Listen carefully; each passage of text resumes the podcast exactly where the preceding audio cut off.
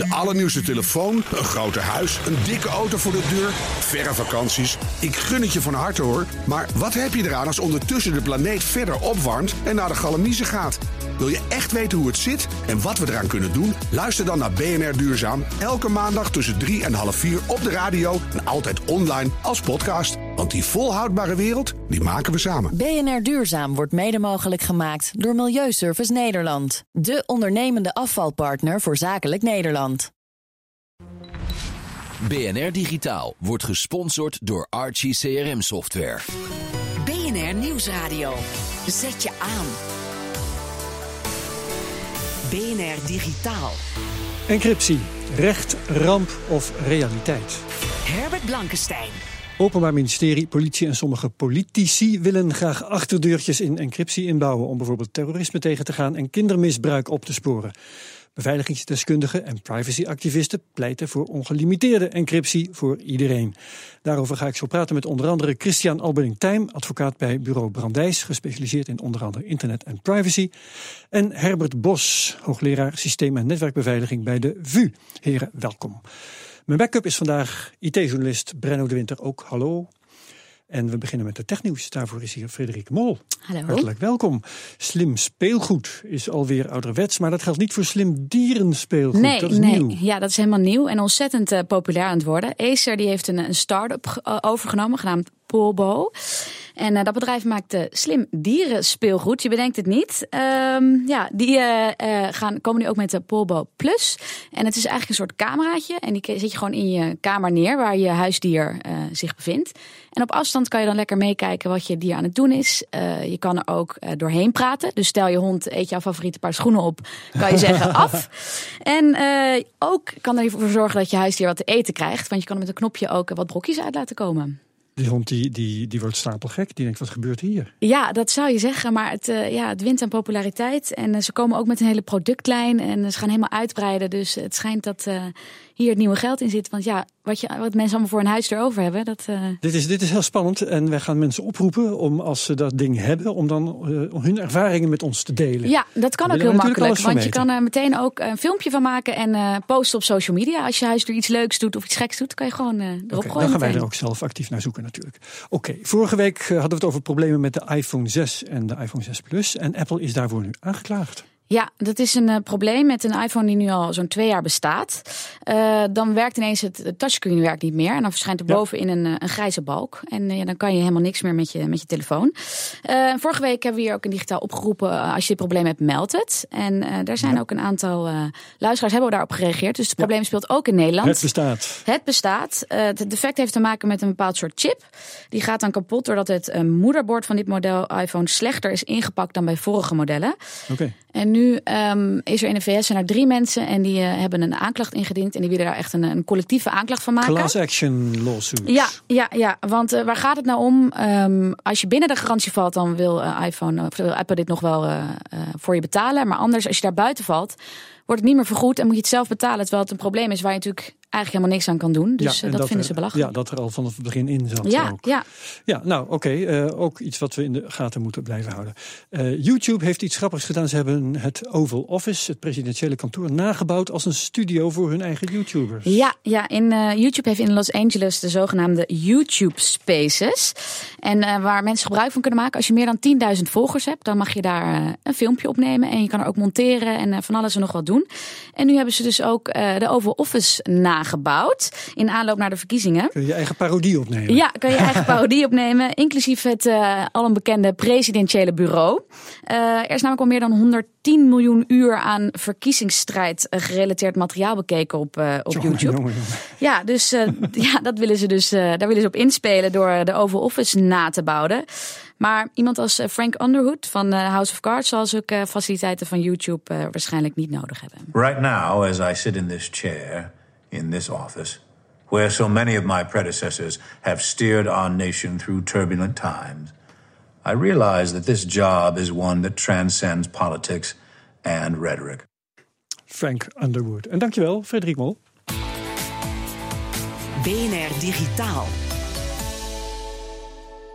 Encryptie is de mogelijkheid om bestanden en communicatie te versleutelen.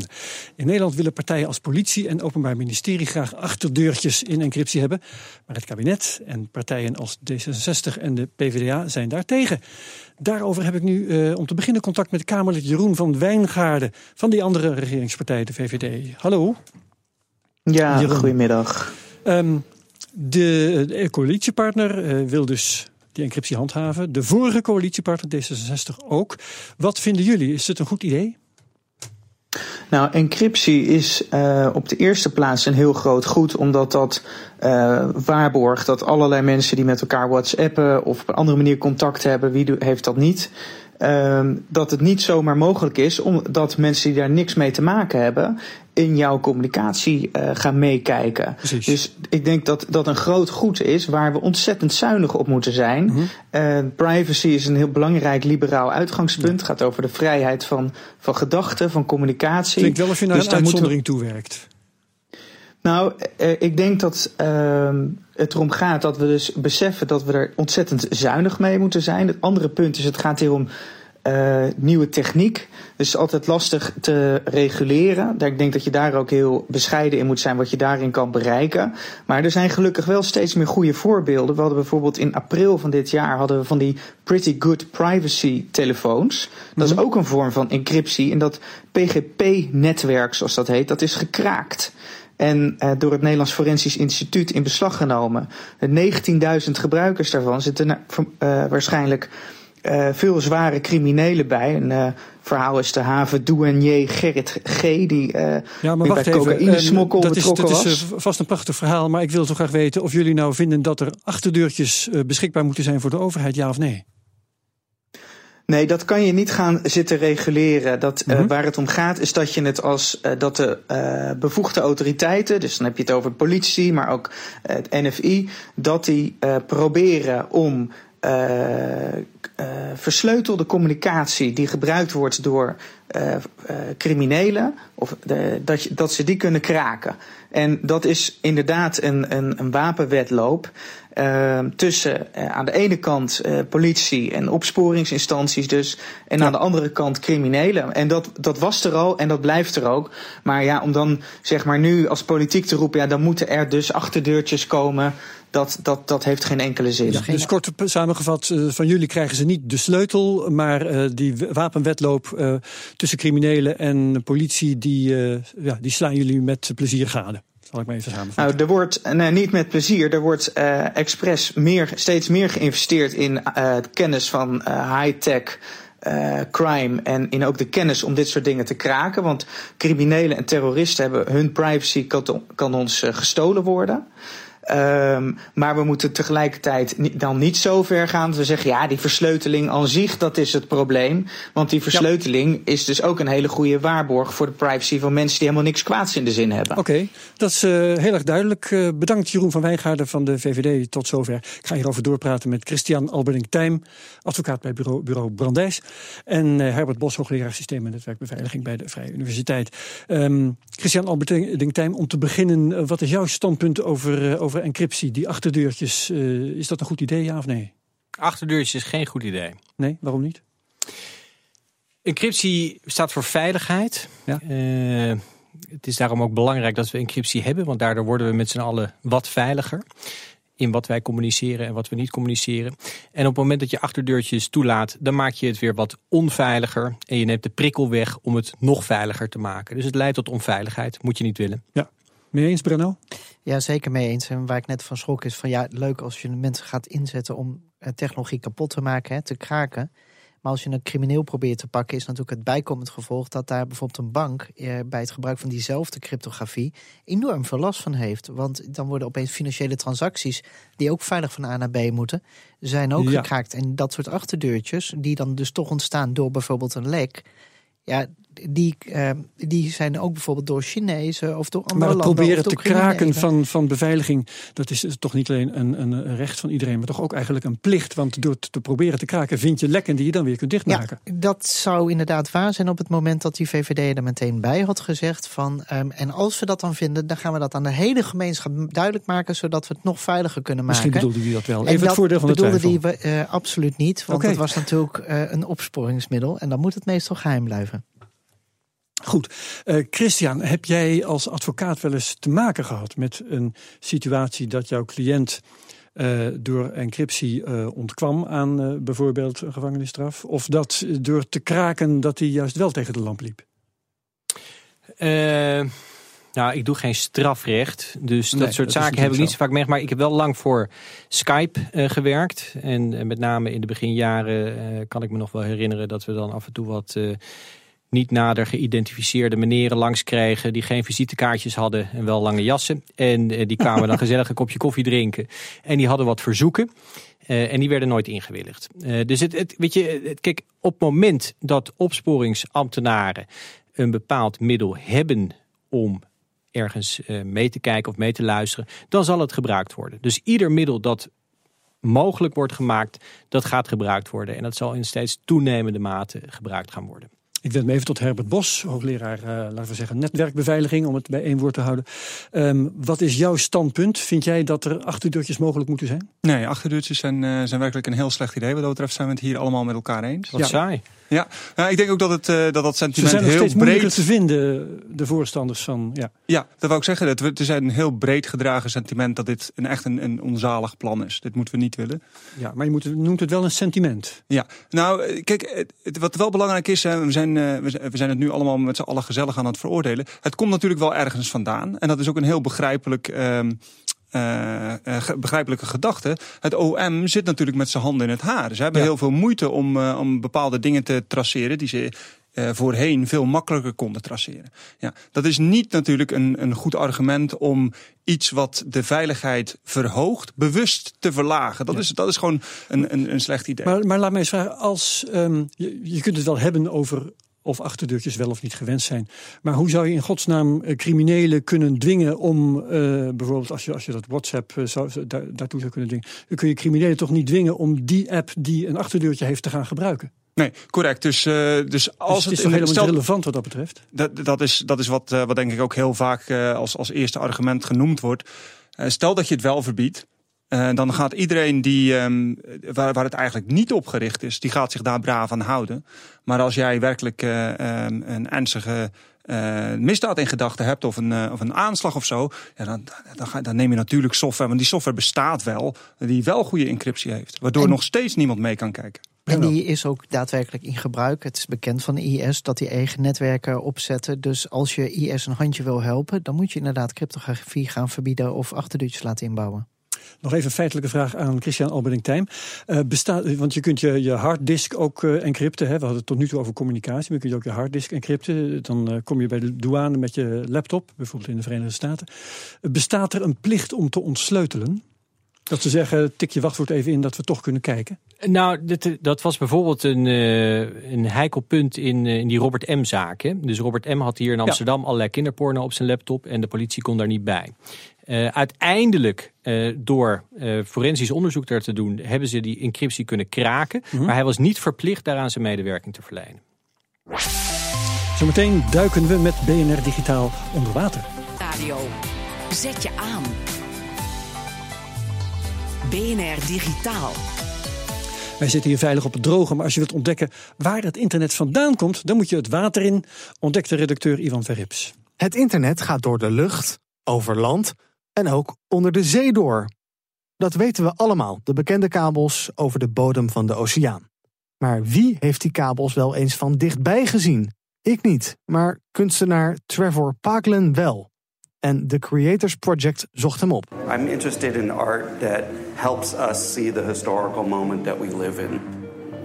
I've done a lot of projects that are very, you know, thinking about mass surveillance and thinking about infrastructures. Afluistersatellieten, drones, een overzicht van door de NSA getapte internetkabels. Paglen fotografeert het en brengt het in kaart. The way that the internet works is it's not made out of a cloud. It's not made out of some kind of weird mystical cyberspace. It's made out of infrastructures. It's made out of buildings. It's made out of routers and switches. And it's made out of fiber optic cables. This is a very, very important part of how the internet works is that the world is all connected. Continents are connected to each other through undersea cables. We zijn in Miami. Daar komen namelijk heel veel kabels aan land, onder het water.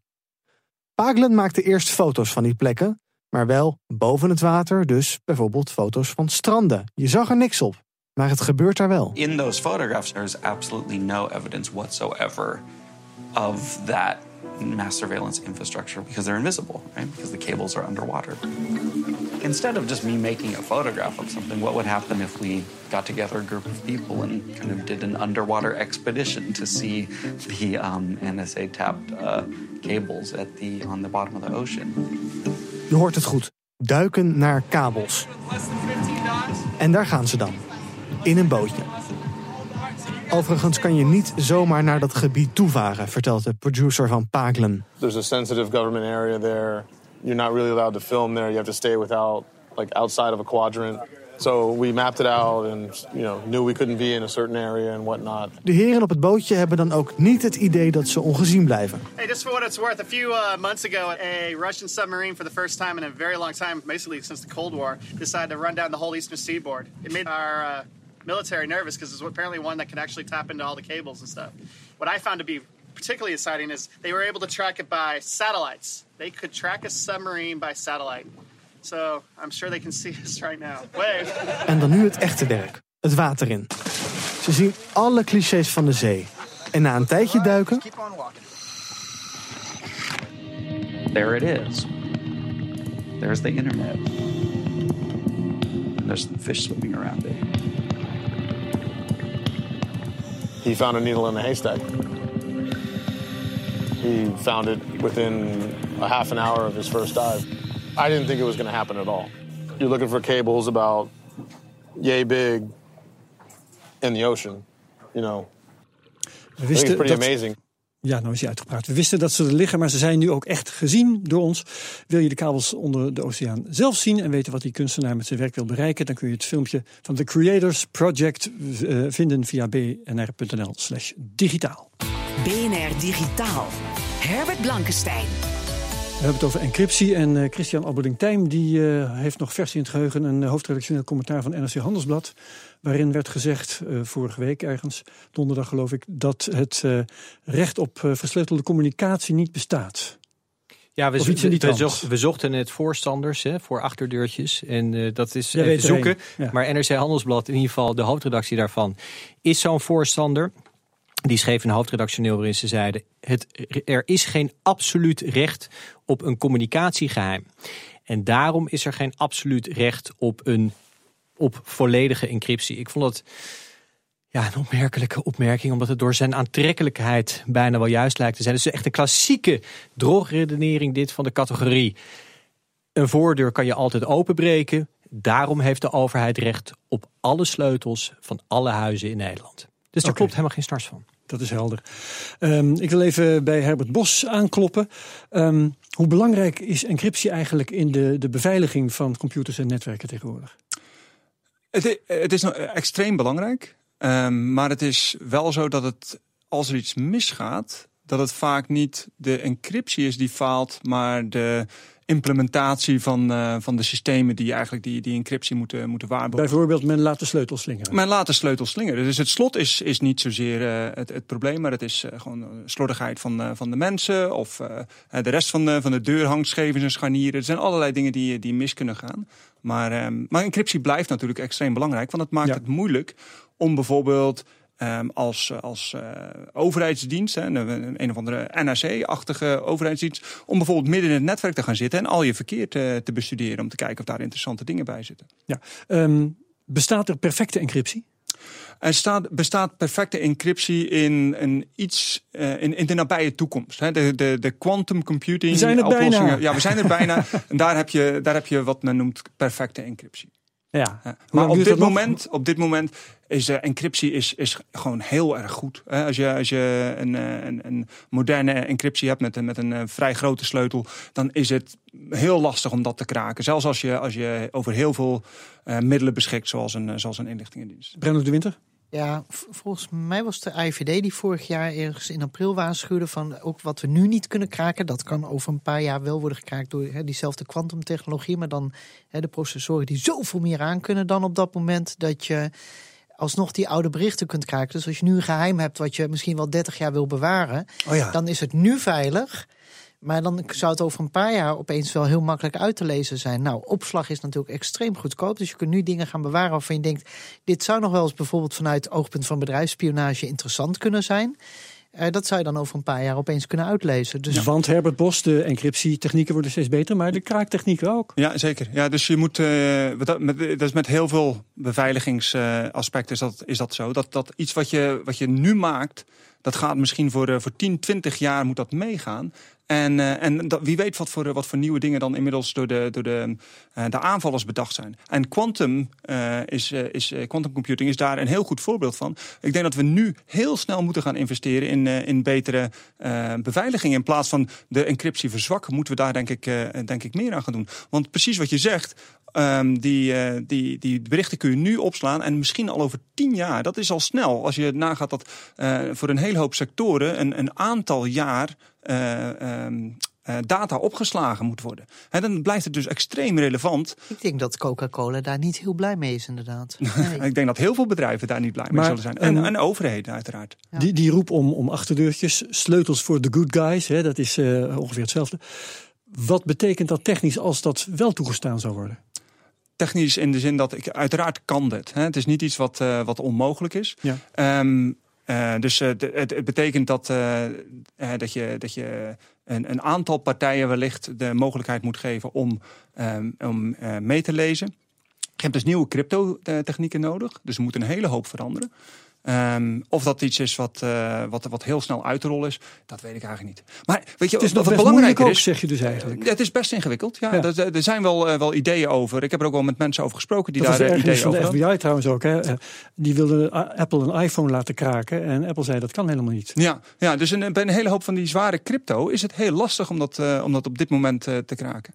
Maar het is ook vaak helemaal niet nodig. Hè. Dus als het gaat om, om, om, om opsporingsactiviteiten, je hoeft niet altijd die crypto te kraken om toch bij data van criminelen te kunnen. Dus en nogmaals, de problemen zitten vaak niet in die crypto, maar zitten in die, uh, in die, die, die apparaatjes zelf, in je Want mobiele bijvoorbeeld telefoon. Je, je, je installeert malware op de smartphone van de criminelen. En dat zo. is iets wat, uh, wat, waar ik overigens geen voorstander van ben, maar waar de Nederlandse overheid een, uh, een, een voor, wetsvoorstel heeft, uh, voor heeft liggen, die de politie extreem vergaande bevoegdheden geeft in deze. Christian Albenikheim, is dat intussen al erg gebruikelijk dat uh, de opsporingsdiensten middelen hebben waardoor die achterdeurtjes eigenlijk helemaal niet nodig zijn? Nou, de, de, de, de wetgeving waar Herbert Bos aan, uh, aan refereert, die gaat nogal ver. Daar is ook heel veel kritiek op geweest. Ja. Dat is ook het, het, het, het terughacken, uh, inderdaad. Om dan, de wet computercriminaliteit 3 is het ja, officieel. En dan... En om dan te kijken wat er allemaal uh, in de computer uh, is. En kijk, ook, ook dat is uh, methodiek die er uiteindelijk toe leidt dat we allemaal een stuk onveiliger worden. dus ook daar moet je heel erg voor, voor oppassen. Maar ik ben het ook helemaal met Herbert Bos eens. Je, kijk, je moet kijken, wat heb je in je opsporing allemaal nodig? En heel vaak heb je al voldoende om tot een verdenking of eventueel een veroordeling te kunnen komen. Dus die achterdeurtjes zijn vaak niet eens nodig? Absoluut niet. En het gaat steeds verder. Hè? Dus je ziet dat, dat er steeds meer mogelijkheden komen voor, um, voor opsporingsdiensten. En dat die ook steeds meer gebruikt worden als ze eenmaal beschikbaar zijn. Dus dat is iets waar je, waar je toch wel meer zorgen over moet maken dan, uh, dan, dan, dan we op dit moment wellicht doen. Met als centrale vraag natuurlijk, hoe effectief is dat? En die vraag gaan we nu niet meer beantwoorden, want BNR Digitaal is voorbij. Ik dank Christian Alberding-Tijm van Bureau Brandijs. Ik dank Herbert Bos van de Vrije Universiteit. Uh, Brenno de Winter was mijn backup. Ook hartelijk bedankt. En de uitzending terugluisteren kan via de BNR-app of op bnr.nl slash digitaal. En heel graag tot volgende week. BNR Digitaal wordt gesponsord door Archie CRM Software. De allernieuwste telefoon, een grote huis, een dikke auto voor de deur, verre vakanties. Ik gun het je van harte hoor. Maar wat heb je eraan als ondertussen de planeet verder opwarmt en naar de Galamiezen gaat? Wil je echt weten hoe het zit en wat we eraan kunnen doen? Luister dan naar BNR Duurzaam. Elke maandag tussen 3 en half 4 op de radio en altijd online als podcast. Want die volhoudbare wereld, die maken we samen. BNR Duurzaam wordt mede mogelijk gemaakt door Milieuservice Nederland. De ondernemende afvalpartner voor zakelijk Nederland.